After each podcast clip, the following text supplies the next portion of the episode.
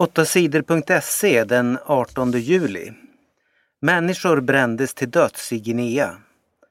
Minst 54 personer har bränts levande eller skurits ihjäl med kniv i landet Guinea i västra Afrika.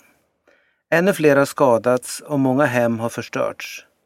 Det är människor från de två folkgrupperna Gertse och Konyanke som bråkar.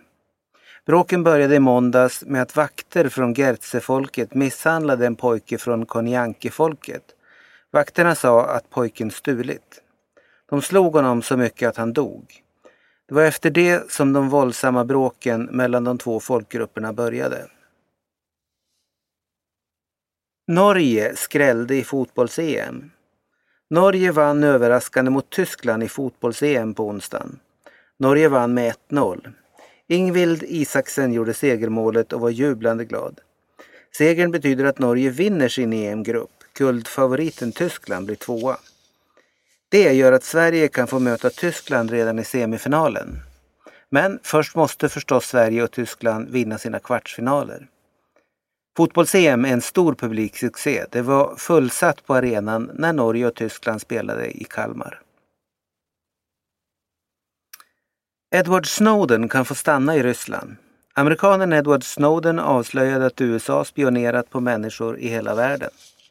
USA har lyssnat på telefonsamtal och kontrollerat sms och mail. Snowden riskerar livstidsfängelse om USA får tag på honom. Han tvingas hålla sig undan. Just nu sitter Snowden på flygplatsen i Moskva i Ryssland. Där har han varit i flera veckor. Men nu kan Edward Snowden få slippa flygplatsen. Han har sökt tillstånd att få stanna i Ryssland. Den ryska lagexperten Anatolij Kucherna tror att Snowden får lämna flygplatsen om några dagar. Rysslands ledare Vladimir Putin har sagt att Snowden måste sluta att berätta om USAs hemligheter för att få stanna i Ryssland. USA vill straffa Snowden för det han gjort, men många människor tycker att det var bra att han berättade sanningen om USAs övervakning av människor. Många tycker att han är en hjälte.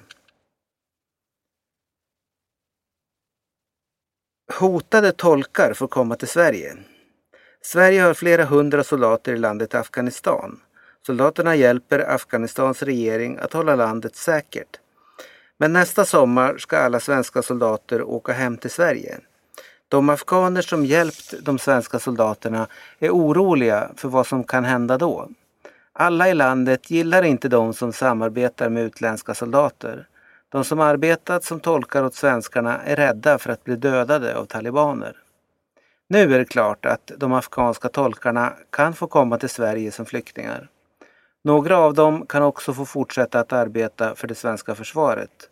Det har regeringen, försvaret och Migrationsverket bestämt.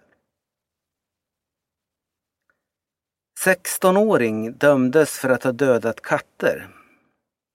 I våras hittades många döda katter i området Högsbo i Göteborg. En del av katterna var upphängda i träd. I maj tog poliserna fast en 16-årig pojke. Han erkände på en gång att det var han som plågat och dödat katterna. I onsdags dömdes 16-åringen av Göteborgs tingsrätt. Han dömdes för att ha dödat åtta katter. Pojken är psykiskt sjuk och döms därför till vård.